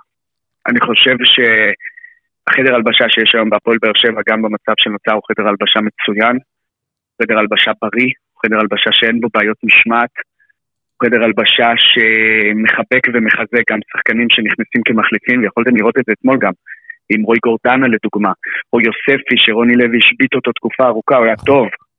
נכון. והשחקנים האלה שעולים ופתאום משתנים. אני מאוד מאוד אוהב את מה שיש בחדר הלבשה של הפועל באר שבע מבחינת האישיות של השחקנים. אין אה, לכלוכים ברמה שהיה קודם אצל יוסי, או קחו, קחו שנה לפני כן, בשנה האחרונה של ברק. אה, אני חושב שז'וסווה הוא, לא, הוא פשוט לא מתאים. שחקן ש, ש, שמרים יד על, על, על חבר לקבוצה, שזורק עליו דברים, ש, שבועט על עיתונאי כדור. אני הייתי שם באימון הזה עם קלפי, זה הרי לא נורמלי. זה לא נורמלי. השאלה אם באמת אתה חושב שלא סימנו אותו בגלל שהוא כיכב פה בליגה, אתה יודע, יש, כאילו... יש את הרחש הזה בקרב אוהדים, שבגלל שהוא היה מהכוכבים פה בליגת העל בכדורגל. היה קל להוציא אותו מאיזון. אז כאילו. היה גם קל להוציא אותו מאיזון וגם חיפשו אותו, וזה מה שגרם לכל הכדור שלו. כן, אבל אם אתם הייתם מאמנים של קבוצות אחרות, מה הדבר הראשון שהייתם אומרים לשחקנים שלכם רגע לא, לפני פגישה עם הפועל באר שבע של להוציא אותו מאיזון. זה גם מה שאני הייתי אומר, זה גם מה שאני הייתי אומר. אבל שחקנים גדולים, אפילו מסי ורונלדו, ואני בכלל, אני בכוונה נתלה כאן באילנות גבוהים, יודעים לדעת לשמור על קור רוח. הילדות של ז'וסווה ממה שהבנתי גם ממנו עוד בתחילת הדרך, הייתה ילדות לא פשוטה. כן. אני לא אכנס אליה גם מצנעת הפרט, אני מתאר לעצמי שגם אתם יודעים. כן, כן. אבל בסופו של יום, שסווה, כשחקן בתוך חדר הלבשה, הוא פחות, אה, הוא פחות מועיל. אני לא אגיד שהוא יותר מזיק, אני אגיד שהוא פחות מועיל. לא, אנחנו יודעים, זה סוג של אה, פצצה מתקתקת. ראיתם. את הגול שלו אתמול כן, בליגה הפולנית? זה לא נורמלי. כן, זה, זה שחקן לא נורמלי שאם הראש שלו היה טיפה יותר מסודר. אנחנו לא היינו חולמים, חולמים, חולמים לראות אותו בכלל בישראל, אפילו לא בחופשה. הרי זה ברור לכולם. מסכים איתך. תגיד עכשיו ברמה... אבל היום זה לא, לא מתאים. ברמה האישית, כמישהו שמסקר את הפועל באר שבע, איפה יותר נוח לסקר? כשהיא במצב טוב או כשהיא במצב פחות טוב? תמיד כשהיא במצב טוב. תמיד כשהיא במצב טוב, הרבה יותר כיף. כן, תמיד. אבל, אבל אתה יודע, אם, אם אתה מדבר על משהו שאפשר להוציא או דברים כאלה, כשהקבוצה במצב פחות טוב, אז יותר קל להגיע לאנשים שהם יותר ממורמרים וכאלה. הפועל באר שבע, בכל קבוצה יש ממורמרים, לא תמיד אתה רוצה להגיע אליהם, כי לא תמיד אתה מאמין בהם, אבל בהפועל באר שבע יש בעיה קטנה, כי כשבהפועל באר שבע הם על גג העולם, במקום להוציא רעיונות ולתת לתקשורת שחקנים לדבר על הדברים הטובים, הם מחליטים לסתום. זה לא נכון. אני לא אבוא לחנך את מערכת הדוברות של הפועל באר שבע, יש שם אנשים נפלאים. גם שירן וגם נווה. או גיל לבנוני בזמנו. אני קטונתי, החוכמה לא אצלי בשרוול, כן. אבל אגב, גיל לבנוני. עכשיו חזר, באיזה כובע אנחנו... יועץ מנטלי. אה, הוא סוג של יועץ מנטלי, הוא בא פעם בשבוע, ראינו אותו אתמול במשחק, נכון. ידבר קצת עם שחקנים, שחקנים שצריכים טיפה טיפה להרים אותה. בחור מדהים בעיניי, שעשה שנים יפות בהפועל באר שבע. אה, אני לא יודע עד כמה הוא מומחה בצד המנטלי, אבל זה כבר משהו אחר, אבל בהחלט בן אדם שיכול להוסיף לפחות מהניסיון שלו. תראו, בשורה התחתונה, אני חושב שאם באר שבע הייתה טיפה יותר פתוחה לתקשורת, זה היה נראה טיפה שונה אה, מבחינת הכתבות היותר אה, טובות. נגיד לצורך העניין, מישהו מכם יודע, אנדרי מרטינש, מה הסיפור שלו? מאיפה, למה, כמה, מי אשתו, מי החברה, מה הילדה? אנחנו לא יודעים כלום. אנחנו לא יודעים כלום על דנילו אצפריה, והוא מספיק זמן פה. אנחנו לא יודעים שום דבר על יוג'ין אנסה, וגם הוא כבר בא כבר בקיץ. כי לא נתנו להם להיפתח, לא נתנו להם לספר, לא נתנו להם לחבר, להתחבר טיפה יותר לאוהדים ולתקשורת.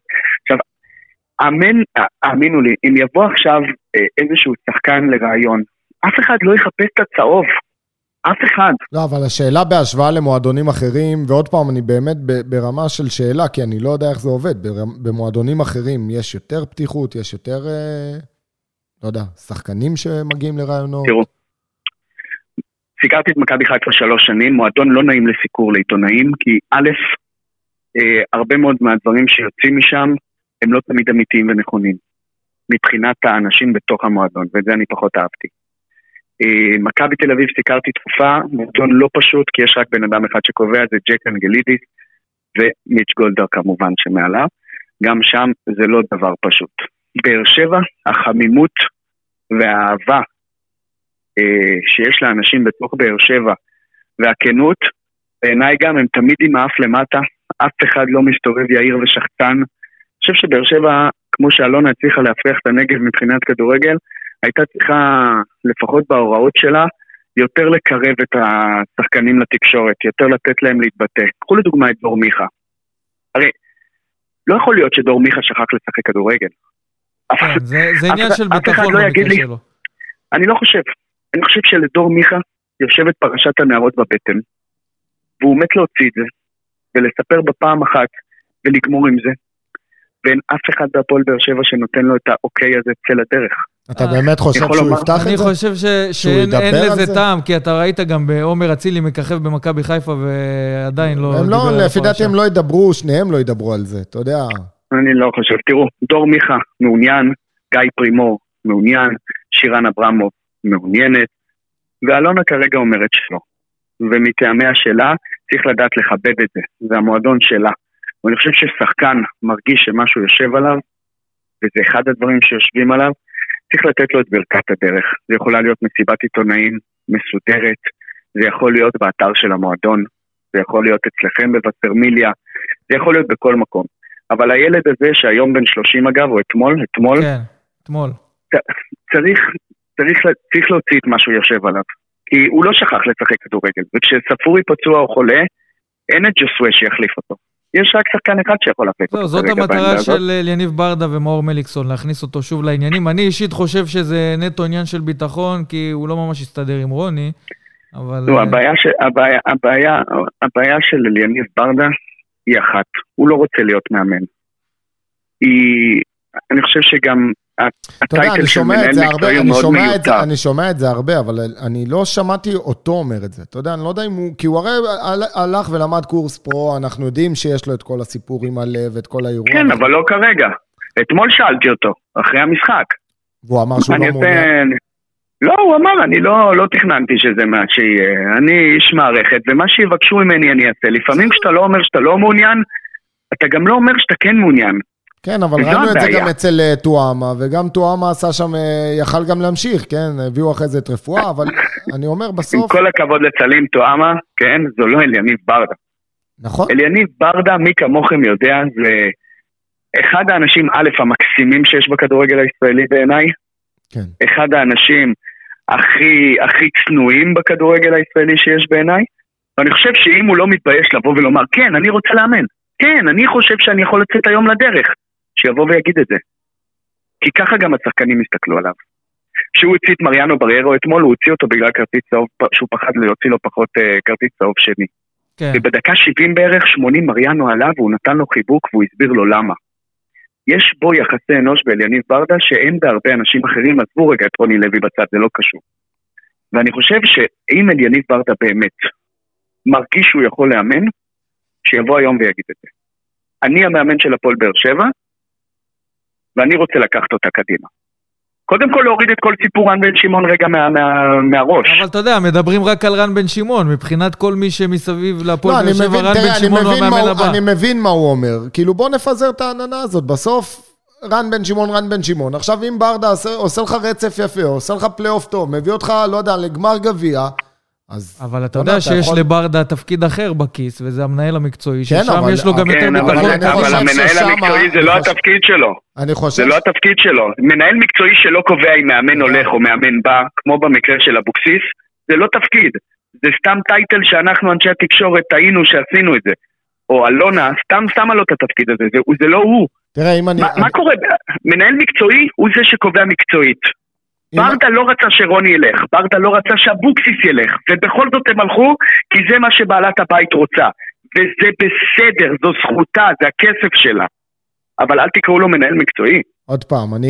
זה, זה, אנחנו, אני, אתה מסקר את הקבוצה, ו, ו, ומה שאתה אומר כאן, בסופו של דבר, שאלונה רק מחליטה, והיא מקבלת ההחלטות על כל דבר, אם זה הדוברות ואם זה זה, בסוף ברור שזו המילה שלה, אבל אני חושב שיש כאן אה, מערכת שלמה עם אה, בעלי תפקידים, וכל אחד כאן עושה עבודה ימים כלילות, גם אם התוצאות היו פחות טובות בדרך.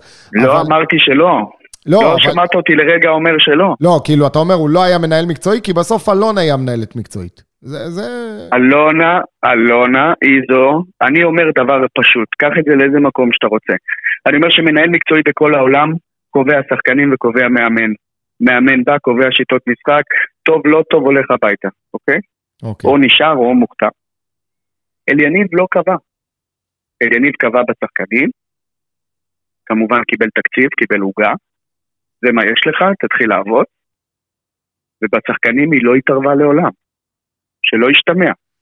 אבל בנושא של המאמן, גם עם יוסי, גם עם ברק, גם עם אלישע, ואם תרצו שאני אלך אחורה לגיא לוי, כן, או לאחרים. אל- אל- אלה תקופות אבל שלא היה באמת אה, מישהו בתפקיד הזה. במועדון. נכון, לא, נכון. עוד פעם, עוד אתם זוכרים פעם. את הרעיון אצלכם של אסי רחמים, מה הוא אמר? הוא אמר, הטעות שלי לדעתי שלא הצלחתי לשכנע את אלונה להשאיר את יוסי אבוקסיס.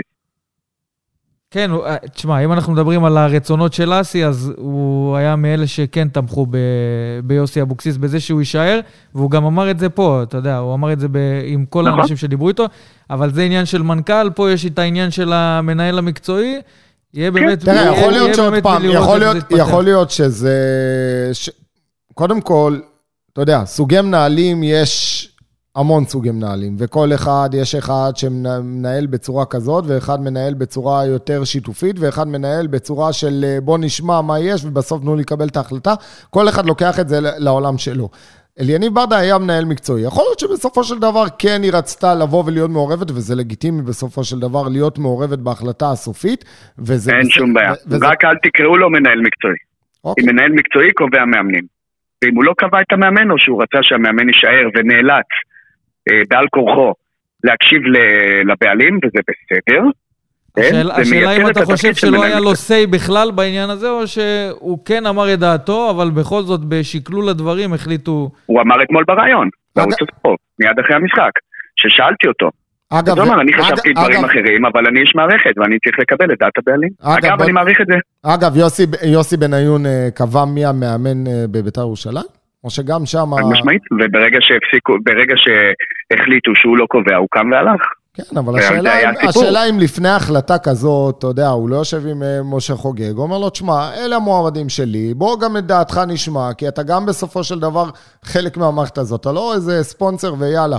תעשו מה שאתם רוצים עם הכסף שלי. זה ככה אני רואה את הדברים, אבל ככה אני חושב שהם לפחות מנוהלים כאן בארץ. מסכים איתך שבחו"ל אה, אנחנו רגילים לסטנדרט אחר, אבל... לא אוהב את זה, אני.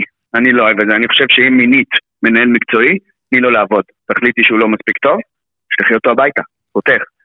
אבל זה לא לעניין. זה- אגב, זה לא- אגב- זה לא- זה לא. אגב, אם אתה שואל אותי, אחרי שראיתי אותו אתמול על הדשא, ואני מניח רגע את ה... אתה יודע, את המצב הבריאותי בצד, ו- ובאמת, בהנחה שהוא כשיר, ומקבל אישור, והוא, והוא מרגיש בסדר עם זה, על הדשא זה, זה המקום שלו. אתה ראית את זה, אתה ראית את זה. אתה ראית כן, איך כן, הוא כן, הוא הדביק את השחקנים, ואיך הוא בא לקהל. בתור מנהל מקצועי, הוא היה מאחורי הקלעים. מי ראה אותו? מי שמע אותו? אז... אה, וואי, אתה לא יודע כמה אני רוצה שהוא יצליח. אתם לא מבינים אפילו כמה. חושב שכל כך מגיע לו. בן אדם שעוזב את חו"ל ומגיע להפועל באר שבע, מקום שבאמת גידל אותו, טיפח אותו, חינך אותו, ויכול היה ללכת לקצב גדול במקומות אחרים, לבן אדם הזה מגיע לסגור גלגל אה, ולהצעיד את הפועל באר שבע לימים אה, גדולים לא פחות ממה שעשה ברק בכר. אני מאוד אוהב את זה, ואני גם חושב שהוא יכול להצליח. אבל אני גם ממליץ לו, ואמרתי לו את זה, בוא תגיד אני המאמן. תוריד את כל הדברים מסביב, כי ב- ב- השחקנים האלה, שחקן כדורגל חושב, למי אני צריך להוכיח כדי בעונה הבאה לקבל חוזה? מעבר לעצמי ולאוהדים, אני רוצה לדעת מי המאמן. ככה השחקן חושב, זה לא יעזור. אבל, אבל הדיבורים על רן בן שמעון, זה לא משהו שכבר הכניסו לתוך המערכת? זאת אומרת, מבחינתם הם לא רואים את רן בן שמעון כבר כמאמן הבא? Hey, כל עוד אלונה לא מגיבה, בדרך כלל אין תגובה זה גם תגובה, אה, והם לא מגיבים, זה רק מצביע על כך שיש סיכוי, ובעיניי גדול, שבסופו של יום רן בן שמעון יהיה המאמן של הפועל באר שבע, אולי אפילו עוד העונה, תלוי אם אשדוד תישאר בליגה, ותלוי עם ג'קי בן זקן, שהוא חברם הטוב של אלונה ואלי ברקת, שאגב, אתמול הפתיע אותי אלי ברקת בהתנהגות שלו בקהל, זה היה מדהים לראות כמה אכפת לו וכמה הוא כן, רוצה לא באמת סבבה. אתה רואה, שהמועדון גם. אצלם הוא העיר את התשוקה, אליניב ברדה. וואו, וואו, וואו. אבל אה, תראה, תראה, אני יכול להגיד לך שלגבי רן בן שמעון, בלי לדעת יותר מדי מאחורי הקלעים, אני חושב שאם תתקבל החלטה לגביו, אה, בניגוד למה שאמרת מקודם, אני חושב שכן זה יהיה בשיתוף עם, עם אה, אליניב ברדה, מה הוא רוצה לעשות, ככה אני רואה את הדברים, ואני בטוח שזה לא יקרה במהלך העונה, כאילו מה, אה, מה, באמצע הפלייאוף? אני לא יודע, אם, אני לא יודע, אני, אני מנסה לחשוב רגע, אם חלילה הפועל באר שבע אה, לא תצליח לקחת נקודות כמו שצריך בפלייאוף העליון, ותתבזה, כן? מול אה, הקבוצות. האחרות. גם, גם לרן בן שמעון בעצמו לא ירצה לבוא בשביל ארבעה, חמישה משחקים שהם אה, כן. חרבות עולם, שהקבוצה כבר אה, ב down, כמו. שאתה אומר. אני אומר לך משהו, אם אלונה היום מתקשרת לרן ומקבלת את ברכת הדרך מג'קי בן זקן, ואומרת לו, תשמע רן, אני צריכה אותך, הוא גר ליד הים באשדוד. הוא בעוד עשר דקות לוקח מזוודה ומתחיל ללכת. מתי שיגיע לבאר שבע הוא יגיע. ברור, ברור שהוא מבחינת הרצון שלו, זה, זה, אתה יודע, הוא... אז כל- ככה שאני, אני, אני, אני אגב חושב, כן, שראוי יהיה להפועל באר שבע אם ברטה לא רוצה לאמן ואם הוא לא יצליח, להביא מאמן שהוא טיפה יותר התקפי, שהוא טיפה יותר שמח, כזה דראפיץ' כזה. אני גם, אני גם חושב, אני גם לא בטוח שרן בן שמעון זה המאמן שהפועל באר שבע צריכה לעונה הבאה. זה עדיין עניין... אבל זה עניין של פנטזיה ספק. של אלונה, היא מאוד אוהבת אותו, מאוד מעריכה אותו. אגב, הוא גם ידע להסתדר עם בעלי בית שהם לא קלים, אם זה עם אלי טביב, ואם זה עם איזי שירצקי. וג'קי בן זקן, נכון. אז ככה שאני לא חושב שהוא לא יוכל להסתדר עם אלונה. השאלה אם הוא יצליח שלא. במועדון גדול, כי ראינו שבמועדון גדול יש גם ציפיות גדולות. נכון, הוא לא הצליח בהפועל תל אביב כמו שהוא צפה, הוא לא הצליח בנבחרת קפריסין כמו שהוא צפה, אבל לא יודע, יש בו משהו. כל שחקן שהולך אצל רן בן שמעון אומר התקדמתי. יש לו כי הוא יסודי. יש לו כי הוא עושה שיעורי בית, יש לו כי הוא, כן, הוא יודע להעמיד קבוצה, אבל להכין שלום, גם. גם אם קלופ או פפ או מוריניו יהיו שנה הבאה בבאר שבע, אם לא יעשו כאן שינוי דרסטי, תהיה בעיה. קחו רגע את, את, את, את, את, את הגילאים של שחקני הפועל באר שבע. לופז, 32. אספריה, 32. ויטור, 34. רוקאביצה, 35-6, גם אותו דבר שכטר. אה, איתן טיבי, 35, חתם עבר את ה-30. תגיב וספורי, אוטוטו כבר 30, מיכה אתמול 30, יותר מדי שחקנים מבוגרים. אני חושב שהטעות הכי גדולה של אלונה, אולי גם של איפשהו של מליקסון, למרות שאותו צריך לבחון בעוד חמש שנים, זה סיפור מחלקת הנוער. קבוצת הנוער, אתם יודעים טוב כן, ממני, כן, ללא ספק. למטה. מחלקת הנוער של הפועל באר שבע, היא לא מקדמת, אנחנו לא נראה דדיה ויוספי בשנים הקרובות. אפשר לראות את אילי מדמון, אבל נגיד והוא חוזר מבני יהודה, איפה אתם שמים אותו? במקום מי? השאלה מי. המאמן. השאלה מי המאמן. זה לא רלוונטי, היית- לא, השאלה- זה רלוונטי מאוד, אני אגיד לך גם למה. כי אם אתמול רוני לוי מאמן, סתם דוגמה רוני לוי, יכול להיות גם מאמן אחר, יוספי לא פותח, אתה, אתה בעצמך אמרת את זה. ואם... אה, נכון, אבל- אבל אם אבל אני אומר, אבל אם אבוקסיס. היה מאמן, או ברדה ימשיך לאמן, אז אני בטוח שכן, שחקני נוער, שחקני נוער או שחקנים כאלה צעירים שגדלו בנוער יקבלו ו- וישתלבו, כי זה אנשים שמאמינים בשחקנים צעירים. יכול להיות, אבל עדיין אני חושב שהמחלקת נוער היא לא מספיק אה, איכותית.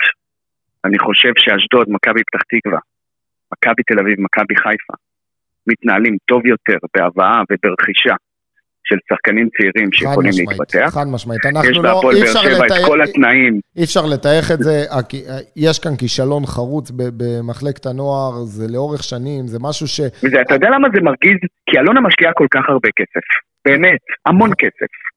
חלק גדול מהכסף שלה מבחינה מחשבתית חייב ללכת למחלקת נוער. גם אם זה אומר להביא שחקנים מאשדוד, ולא יודע, לשים להם איזה שתי דירות בעיר, וכמה בח- ב- ב- ב- בדירה, ולנסות ולטפח את השחקן הבאר שבעי עדיף הבא. לשלם עליהם בנוער ולא בבוגרים. נכון. כן, כי כי תיקחו, הביאה קוונקה, באמת, כוכב. לא עשה פה כלום, לקח חצי מיליון יורו כל שנה. כן. את הכסף הזה אפשר היה להשקיע במחלקת נוער, במאמנים טיפה יותר אה, מנוסים, גם לשלם להם גם טיפה יותר, כדי שיהיה להם חשק גם לבוא לעבודה. אני חושב שבמקרים כאלה, באר שבע בעוד חמש שנים, אל תבחנו אותם עוד שנה, שנתיים, זה לא רלוונטי. בעוד חמש, שש שנים, אז בואו נדבר על השחקני בית שיצאו מבאר שבע. ברור, ברור. ואז יהיה עוד דוידי, ועוד אילוז, ועוד הש- ברדה, ועוד אה, באמת, כאלו. השאלה באמת אם אליקסון, שנכנס השנה לעניינים שם במחלקת הנוער, יוכל לעשות איזה, איזה שינוי, וכמו שאמרת, אנחנו נראה את השינוי הזה לא רק עוד בטוח. כמה שנים. אני לא בטוח, כי, כי הוא לא יכול לעשות שינוי בלי כסף, וזה לא הכסף שלו.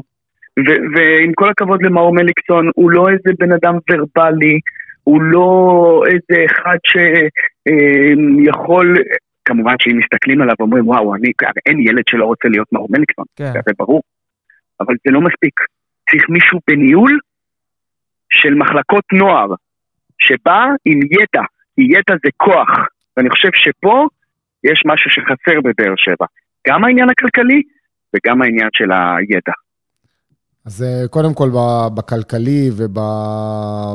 ועוד פעם, אה, עובדתית, אנחנו מדברים, עצם העובדה שהפועל באר שבע לא הצליחה להצמיח שחקנים במשך כל השנים האלה שהפועל, שאלונה הגיעה, אז אה, בהחלט כישלון חרוץ בכל מה שקשור למחלקת הנוער. אבל בוא נחזור רגע לרגע, לאיזה קוריוז קטן אתמול, אליניב ברדה פונה אליך באמצע המשחק. אה, זה אדיר. לא אה. זה לא משהו שקורה כל יום. אתה שמעת את זה, היית לידי. הייתי לידך. תשמע, זה, זה, לא, זה לא נורמלי. קודם כל הוא דיבר איתי כל המשחק על העניין של השיפוט, מה יהיה עם השיפוט ומה יהיה עם השיפוט. אתם רואים שאני אומר לכם, הקרדיולוג ש, ש, שישב בבית, הקרדיולוג של ברדה, רצה להרוג אותו באותו רגע, כי הוא, הוא באמת היה על דופק מטורף. ובאיזשהו רגע הוא פונה אליי ואומר לי, תשמע, תגיד בשידור ששכטר גיבור.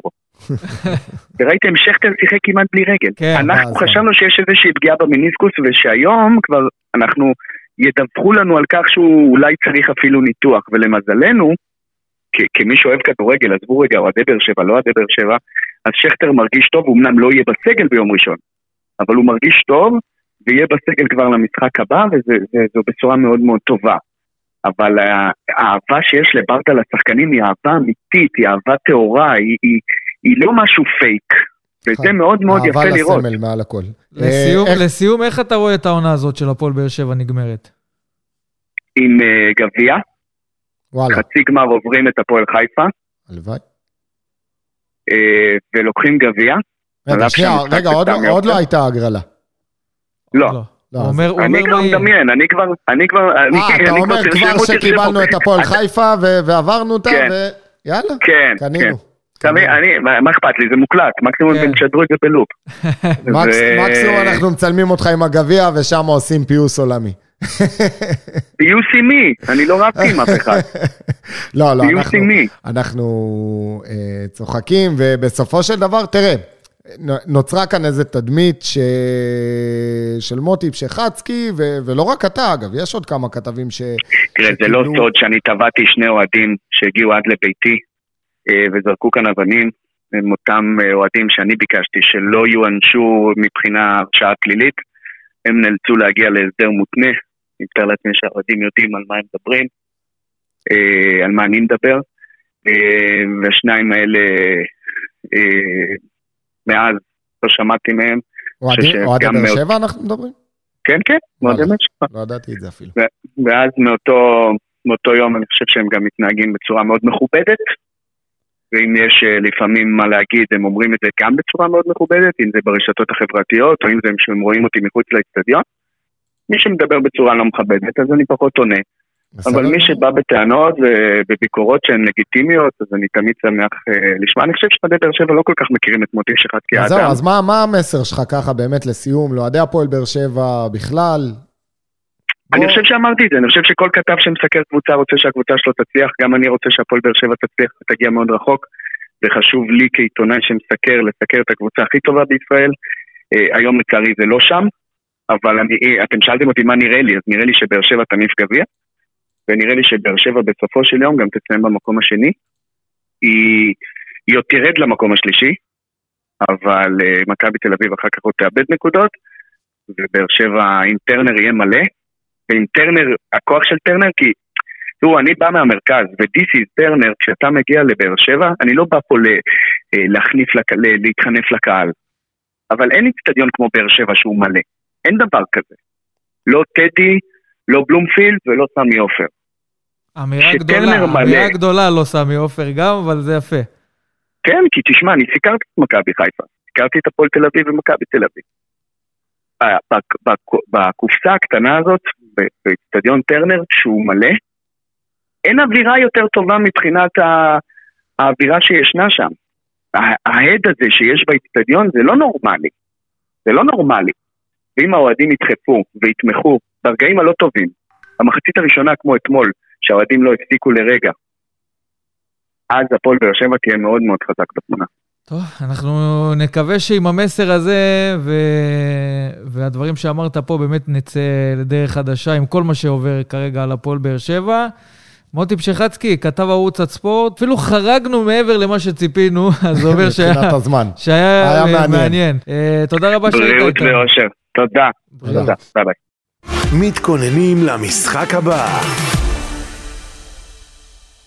טוב, אז דיברנו על מה שיחכה ללניב ברדה בהמשך, אז מה שיחכה לו לפני הפלייאוף העליון זה שני משחקים, הפועל חיפה והפועל נוף הגליל, כשהמטרה היא להוציא שש נקודות בשני המשחקים. יניב ברדה דיבר על זה גם, אה, כמו שאמרנו קודם לכן, במסיבת העיתונאים, על הרצון שלו לשפר עמדות לפני הפלייאוף העליון.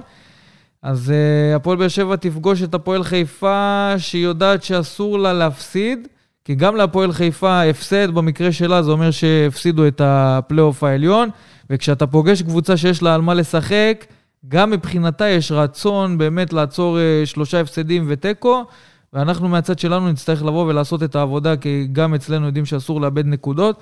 אז זה משחק uh, שבאמת יהיה משחק, uh, מבחן, לראות מה הפועל באר שבע תצליח לעשות, וגם אליניב ברדה יקבל שחקנים שהיו חסרים לו במהלך רבע גמר הגביע.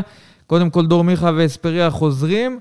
אמרנו על דור מיכה צריך להרים לו קצת את הביטחון כדי באמת להרוויח אותו, ואספריה, השאלה, איך אתה, אם אתה משלב אותם בהרכב ובמקום מי. קודם כל, את אה, דור מיכה, אני חושב ש...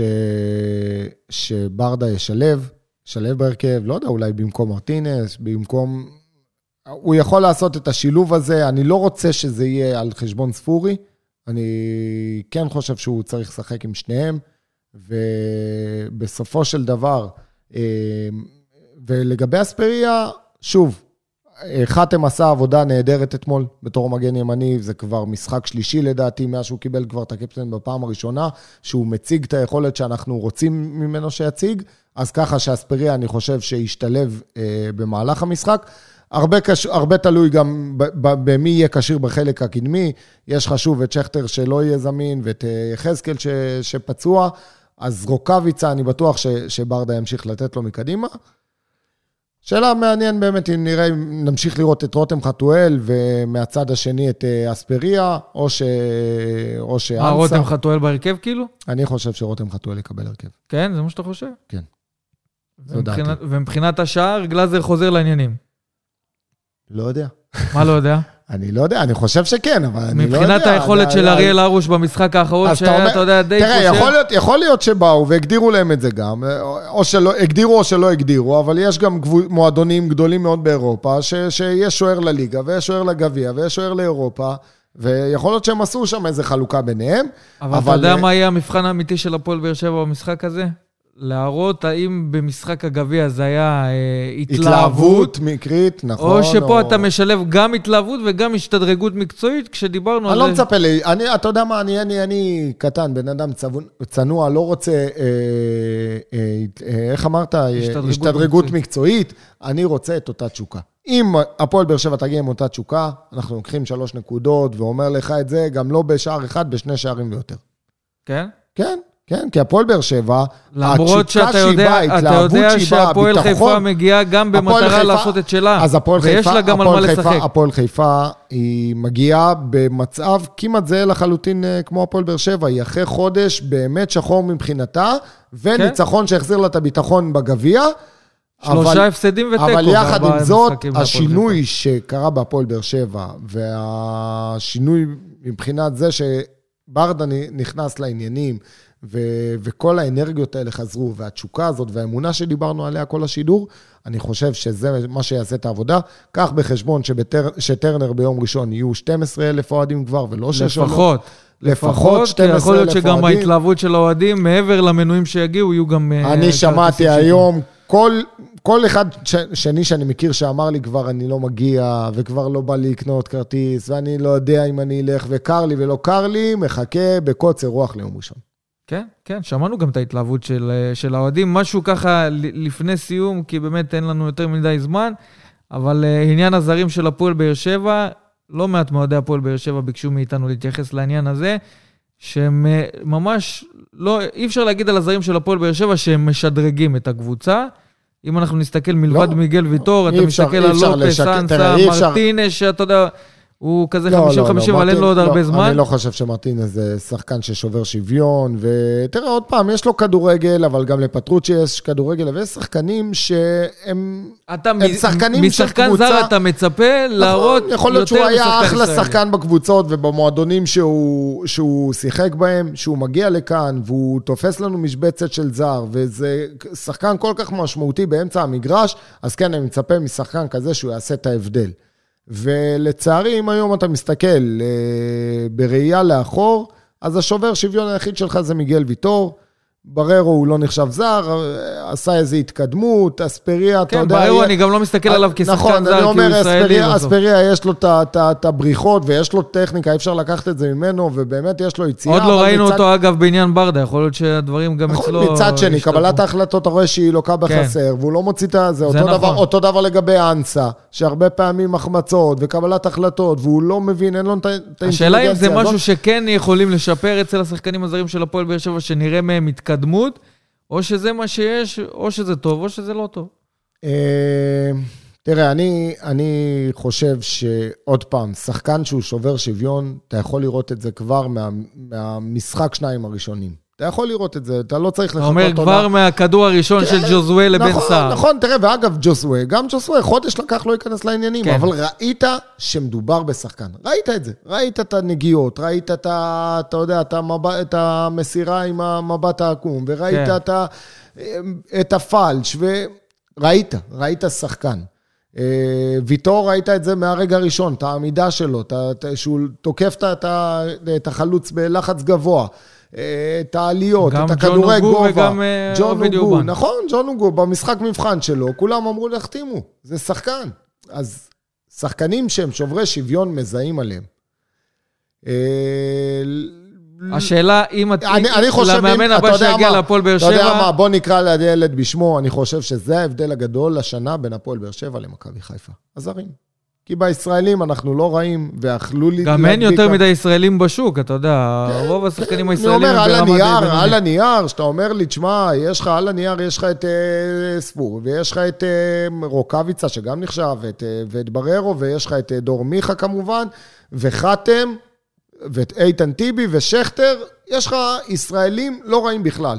תחשוב שביחד אליהם ושוערים, הגנה, עוד פעם, אנחנו בכמה עמדות הרבה יותר טובים מהם, אז זהו, לדעתי, מבחינ- מבחינת אבל- המלצה שלך למאמן הבא של הפועל באר שבע, לקראת הבנייה של העונה. הבאה, להחליף לעשות- את כל הזרים?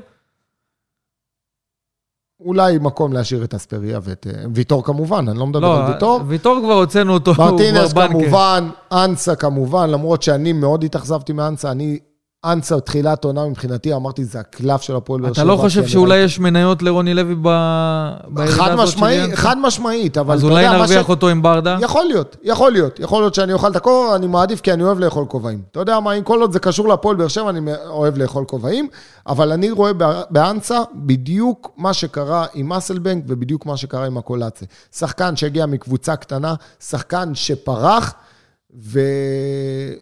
וכנראה הוא לא עומד בלחצים של קבוצה גדולה. לא יודע איך להגיד לך את זה. ולופס? לופז, אתה יודע מה, את לופז כן הייתי משאיר. כי לופז, אתה רואה שהוא... לופס דווקא כן התחיל טוב. כבר במשחקים אז זה מה הראשונים שאני אומר, ראית הוא התחיל שיכול להיות טוב, שיש והיה לו. ירידה מאוד ביכולת, אבל לופז גם, לופז, אתה רואה שהוא, שיש לו, יש לו את זה. יש לו את הכדורגל, אפשר ללטש אותו, הוא צריך את החיבוק הזה, הוא צריך את הברק הזה, ואני אוהב את התשוקה שלו. אז כן, את לופז ואת אספריה, עוד פעם, זה שיקול של מאמן, כי כבר זה גיל וכאלה, ו- וכמובן את ויטור, ואז יש לך מקום לעוד שלושה זרים. טוב, אז נגענו גם בשחקנים הזרים של הפועל באר שבע, חרשנו. פה את כל הזה בשעה וקצת ש...